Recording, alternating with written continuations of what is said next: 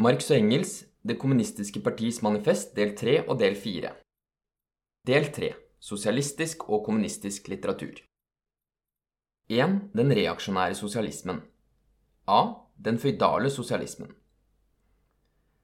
Som følge av sin historiske stilling var fransk og engelsk aristokrati kallet til å skrive pamfletter mot det moderne borgerlige samfunn.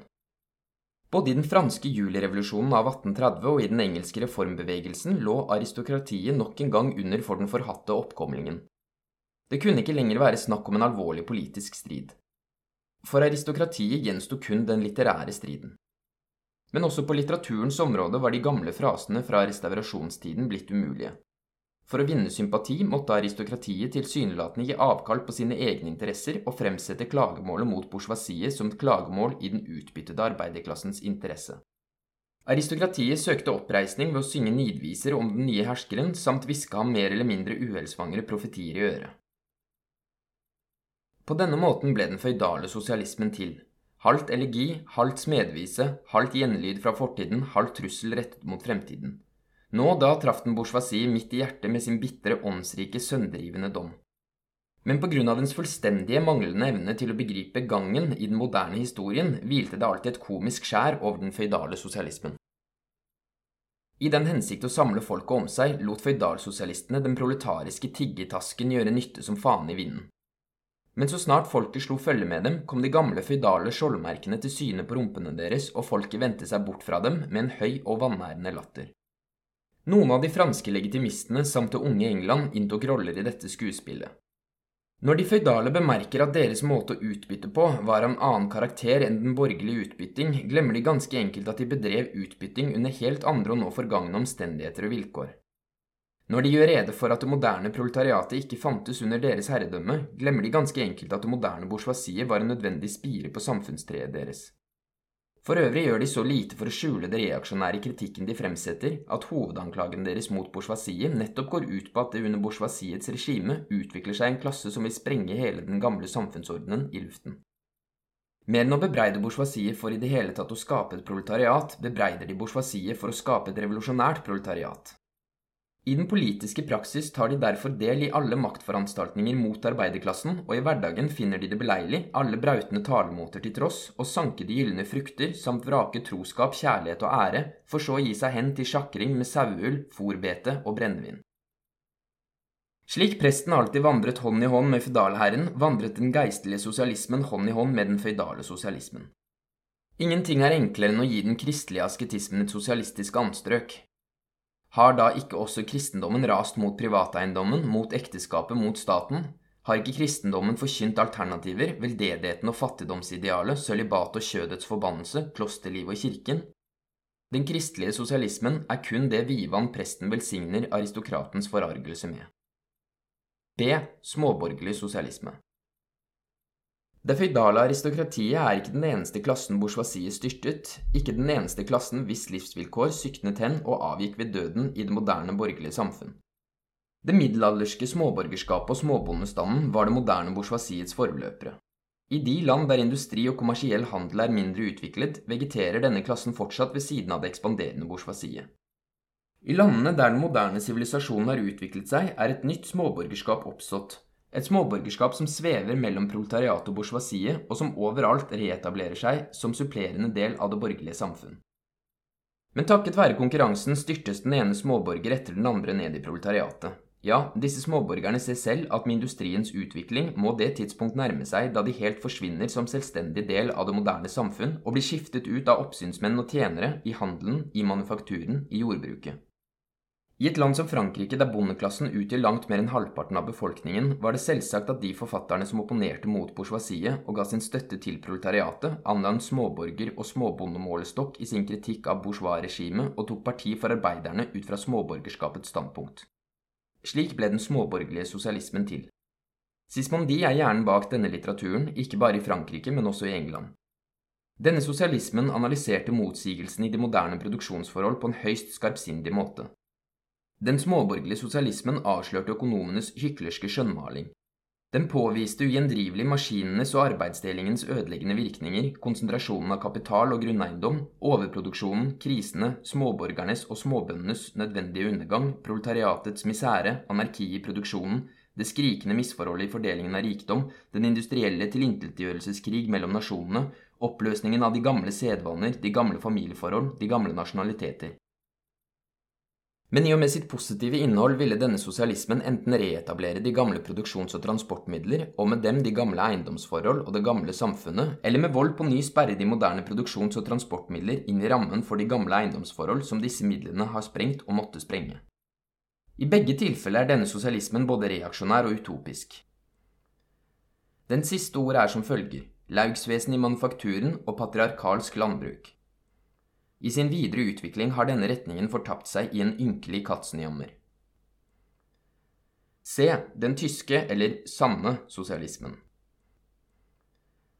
Frankrikes sosialistiske og kommunistiske litteratur som oppsto under presset fra et herskende bourgeoisie, og som er det litterære uttrykket for kampen mot dette herredømmet, ble brakt til Tyskland på en tid da bourgeoisiet nettopp hadde påbegynt sin kamp mot det føydale eneveldet. Tyske filosofer, halvfilosofer og skjønnånder var grådige i sin bemektigelse av denne litteraturen, og det eneste de glemte, var at innføring av skrifter fra Frankrike ikke fant sted samtidig med at franske livsforhold ble innført i Tyskland. I møte med de tyske forhold mistet den franske litteraturen all umiddelbar praktisk betydning, og den fikk et rent litterært ytre. Den franske litteraturen kunne ikke fremstå som annet enn ørkesløse spekulasjoner over det sanne samfunn og ved virkeliggjørelsen av det menneskelige vesen. Det var derfor den første franske revolusjons fordringer kun hadde én mening for det 18. århundrets tyske filosofer, den praktiske fornufts fordringer som sådan. Og de viljesytringer det revolusjonære franske bourgeoisiet hadde fremsatt, var i de tyske filosofenes øyne ensbetydende med læresetninger om den rene vilje, viljen slik den må være, den i sannhet menneskelige vilje. Arbeidet de tyske litteratene utførte, besto ikke i annet enn å få de nye franske ideene til å stemme overens med deres egne gamle filosofiske samvittighet, eller rettere tilegne seg de franske ideene ut fra det filosofiske standpunktet de selv inntok. Tilegnelsen foregikk på samme måte som man nettopp tilegner seg et fremmedspråk gjennom oversettelse. Det er viden kjent hvordan munkene lot gamle manuskripter, nedtegnelser av klassiske verker fra hedensk tid, bli overskrevet med usmakelige katolske helgenlegender. Med den verdslige franske litteraturen gikk de tyske litteratene omvendt til verks. De skrev sitt filosofiske vrøvl under den franske originalen. For eksempel, under den franske kritikken av pengeforholdene skrev de sitat 'utvendiggjøring av det menneskelige vesen'. sitat slutt. Under kritikken av den borgerlige staten skrev de sitat 'opphevelse av det abstrakte allmennes herredømme', sitat slutt, osv. Dette, å smugle egne filosofiske fraser inn i den franske kritikken, døpte de handlingens filosofi, sann sosialisme, tysk vitenskapssosialisme, filosofisk begrunnelse for sosialisme osv. På denne måten ble franskmennenes sosialistisk-kommunistiske litteratur regelrett kastrert. Og da denne litteraturen i tyskerens hender opphørte å være uttrykk for den ene klassens kamp mot den andre, kom han til den konklusjon at han hadde overvunnet den franske ensidighet og latt sannhetens behov tre istedenfor sanne behov, det menneskelige vesens interesser istedenfor proletarens interesser, ja, mennesket som sådan, mennesket som ikke tilhører noen klasse, som på ingen måte tilhører virkeligheten, men som kun oppholder seg i den filosofiske fantasiens tåkehimmel. Denne tyske sosialismen som tok disse ubehjelpelige stiløvelsene så alvorlig og høytidelig, og utbasunerte dem på markskrikersk vis, mistet imidlertid litt etter litt sin pedantiske uskyld. Tyskernes kamp, og da særlig det prøyssiske bourgeoisiets kamp mot de føydale og mot det eneveldige kongedømmet, kort sagt den liberale bevegelsen, ble mer alvorlig. Slik fikk den sanne sosialismen en kjærkommen anledning til å stille de sosialistiske fordringene opp mot den politiske bevegelsen, til å slenge de nedarvede forbannelser mot liberalismen, mot den representative stat, mot den borgerlige konkurranse, den borgerlige pressefrihet, den borgerlige domstol, den borgerlige frihet og likhet, samt predike for folkemassene at de intet hadde å vinne ved denne borgerlige bevegelsen, men tvert imot alt å tape. Den tyske sosialismen, dette åndeløse ekkoet av den franske kritikken, glemte i rett tid at franskmennene forutsatte det moderne borgerlige samfunn, de materielle livsvilkår og den politiske konstitusjon som svarte til dette samfunnet, klare forutsetninger de i Tyskland først gjaldt å kjempe frem. For Tysklands eneveldige regjeringer, med prester, skolemestere, kåljunker og byråkrater som haleslep, var den tyske sosialismen et kjærkommet fugleskremsel mot det truende og fremadstrebende bourgeoisiet. Den ble det sukkersøte supplement til de bitre piskeslagene og flintkulene som de samme regjeringer møtte de tyske arbeideroppstandene med. Om den sanne sosialismen således i regjeringens hender ble et våpen mot det tyske bourgeoisiet, så representerte den umiddelbart også en reaksjonær interesse, det tyske småborgerskapets interesse. Tysklands småborgerskap, en arv fra det 16. århundre som etter den tid stadig har dukket opp igjen i ulike former, danner det egentlige sosiale grunnlaget for de rådende tilstandene. Å verne om småborgerskapet er det samme som å verne om de rådende tyske tilstandene.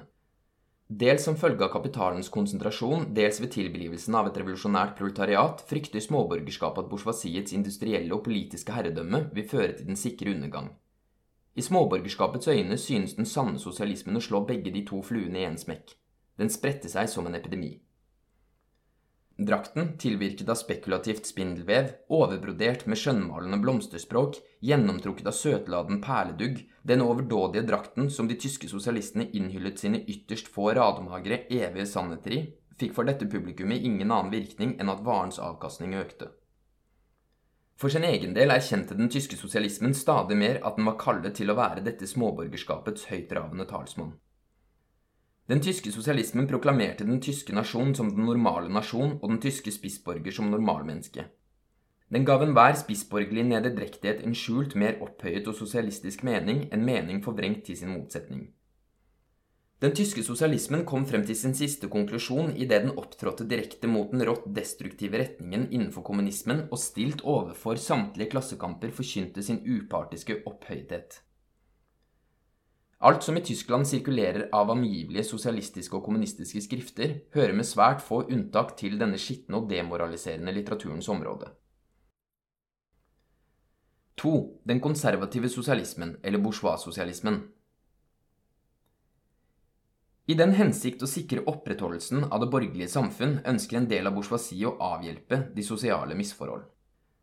Til denne delen tilhører økonomister, filantroper, menneskevenner, forbedrere av de arbeidende klassers stilling, veldedighetsorganisatorer, dyrevernsvenner, avholdsfolk, vinkelskrivere av alle tenkelige slag. Også denne bourgeois-sosialismen er blitt utarbeidet til hele systemer.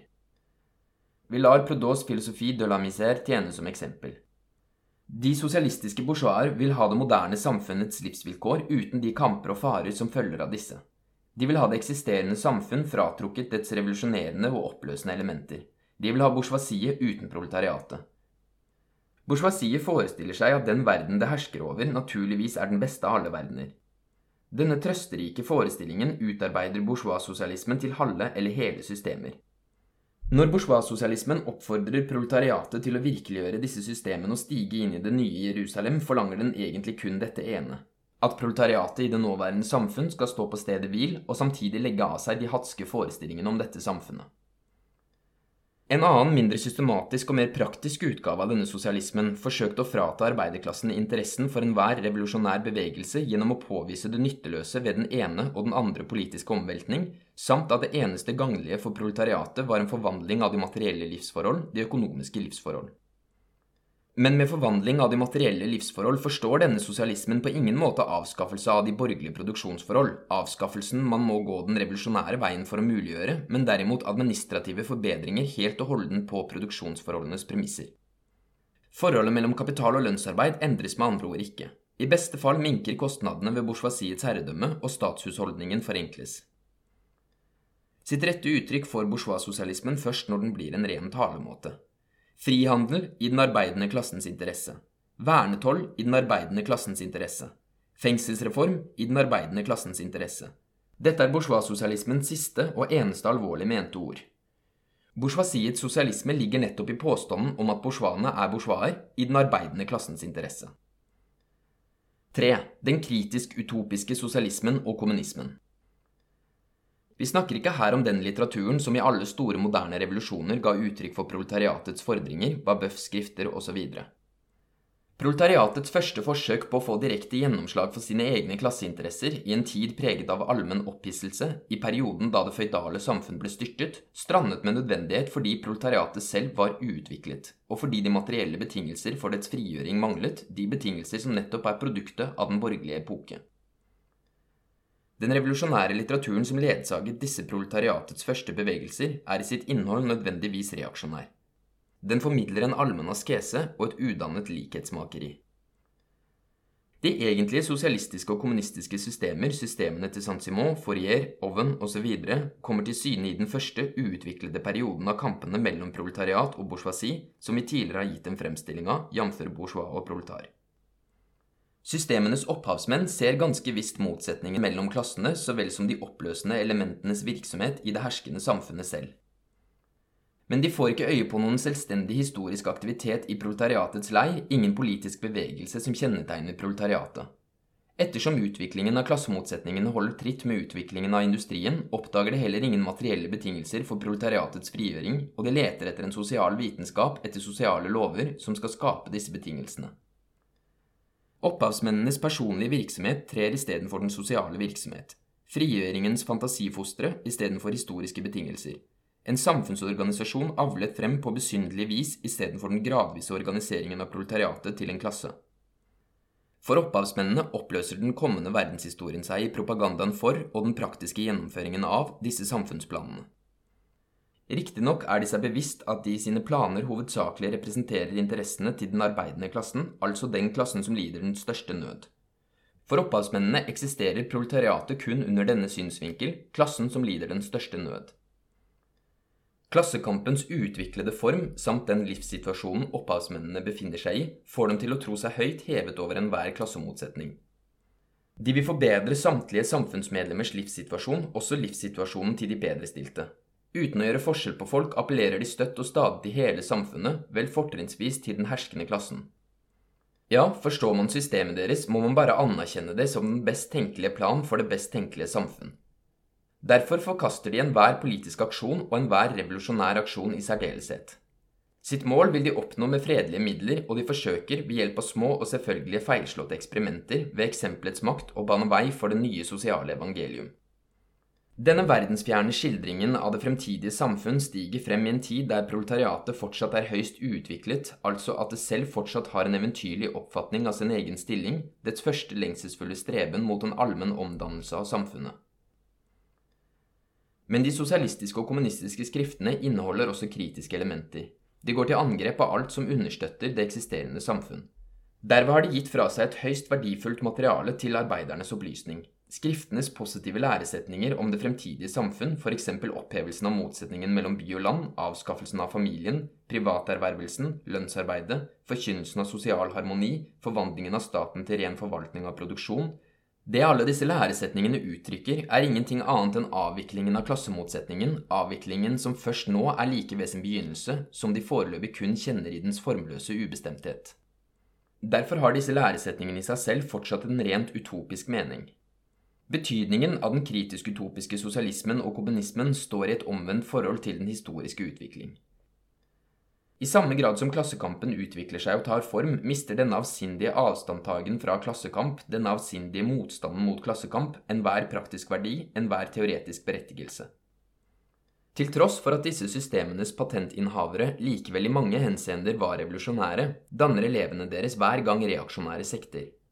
Stilt overfor proletariatets fremskredende utvikling i historien, klamrer elevene seg fast til mestrenes gamle betraktningsmåter. Slik forsøker de konsekvent å avstumpe klassekampen ytterligere, samt megle mellom motsetningsparene.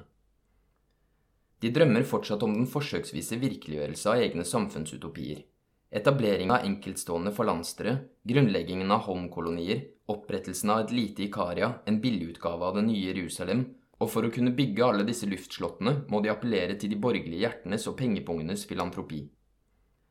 De underordnes gradvis den ovenfor nevnte kategori av reaksjonære eller konservative sosialister, og det eneste som avskiller dem fra disse, er et mer systematisk pedanteri. Den fantastiske overtroen på de undrene deres egen sosiale vitenskap vil bevirke. De turer frem med forakt for alle politiske arbeiderbevegelser de mener viser en totalt manglende tro på det nye evangelium. Ovenistene i England tar avstand fra chartistene, forieristene i Frankrike tar avstand fra reformistene. Del 4. Kommunistenes standpunkt til de forskjellige opposisjonspartiene. Ut fra kapittel 2 sier det seg selv hva slags forhold kommunistene har til de allerede etablerte arbeiderpartiene, altså deres forhold til chartistene i England og jordbruksreformatorene i Nord-Amerika. Kommunistene kjemper for arbeiderklassens umiddelbart foreliggende mål og interesser, men innenfor den nåværende bevegelsen representerer de samtidig bevegelsens fremtid. I kampen mot de konservative og radikale bourgeoisene slutter de franske kommunistene seg til Det sosialistisk-demokratiske partiet, men uten dermed å oppgi sin rett til å forholde seg kritisk til frasene og illusjonene som stammer fra den revolusjonære arven. I Sveits gir kommunistene sin støtte til radikalerne, men uten å overse at dette partiet består av motstridende elementer, dels av demokratiske sosialister i betegnelsens franske betydning, dels av radikale bourgeoiser. I Polen gir kommunistene sin støtte til det partiet som oppfatter bonderevolusjonen som forutsetning for nasjonal frigjøring, det samme partiet som i 1846 tente gnisten til Krakow-opprøret. Så snart bourgeoisiet trer frem som revolusjonært, vil det kommunistiske partiet i Tyskland stå side om side med bourgeoisiet i kampen mot det eneveldige kongedømmet, godseierne og småborgerligheten. Men ikke et øyeblikk forsømmer kommunistene å bevirke at arbeiderne får en klarest mulig bevissthet om den fiendtlige motsetningen mellom bourgeoisie og proletariat, slik at de sosiale og politiske betingelsene som bourgeoisiet, i og med sitt herredømme, må trekke med seg, skal bli anvendt av de tyske arbeiderne som våpen mot bourgeoisiet selv. Dermed kan kampen mot bourgeoisiet begynne umiddelbart etter at Tysklands reaksjonære klasser er styrtet. Kommunistene retter den aller største oppmerksomhet mot Tyskland, dette fordi Tyskland står like foran en borgerlig revolusjon, og fordi Tyskland fullfører denne omveltningen under en i det hele tatt mer fremskreden europeisk sivilisasjon og med et langt mer utviklet proletariat enn det England hadde i det 17. århundre og Frankrike hadde i det 18. Altså, den tyske borgerlige revolusjonen kan bare være den proletariske revolusjonens umiddelbare forspill. Kort sagt, overalt gir kommunistene sin støtte til enhver revolusjonær bevegelse som kjemper mot de bestående sosiale og politiske tilstandene. I alle disse bevegelsene fremhever kommunistene at bevegelsens grunnspørsmål er spørsmål om eiendom, uansett hvilken form, utviklet eller ikke, dette spørsmålet måtte ha. Og endelig, overalt arbeider kommunistene for en forbindelse og en forståelse mellom samtlige lands demokratiske partier. Kommunistene forkaster hemmelighold av sine egne anskuelser og hensikter. De erklærer åpent at deres mål bare kan nås ved at alle eksisterende samfunnsordninger styrtes med makt. Måtte de herskende klasser skjelve ved tanken på en kommunistisk revolusjon. Proletarene har ingenting annet å tape enn sine lenker, de har en verden å vinne. Proletarer i alle land, foren dere.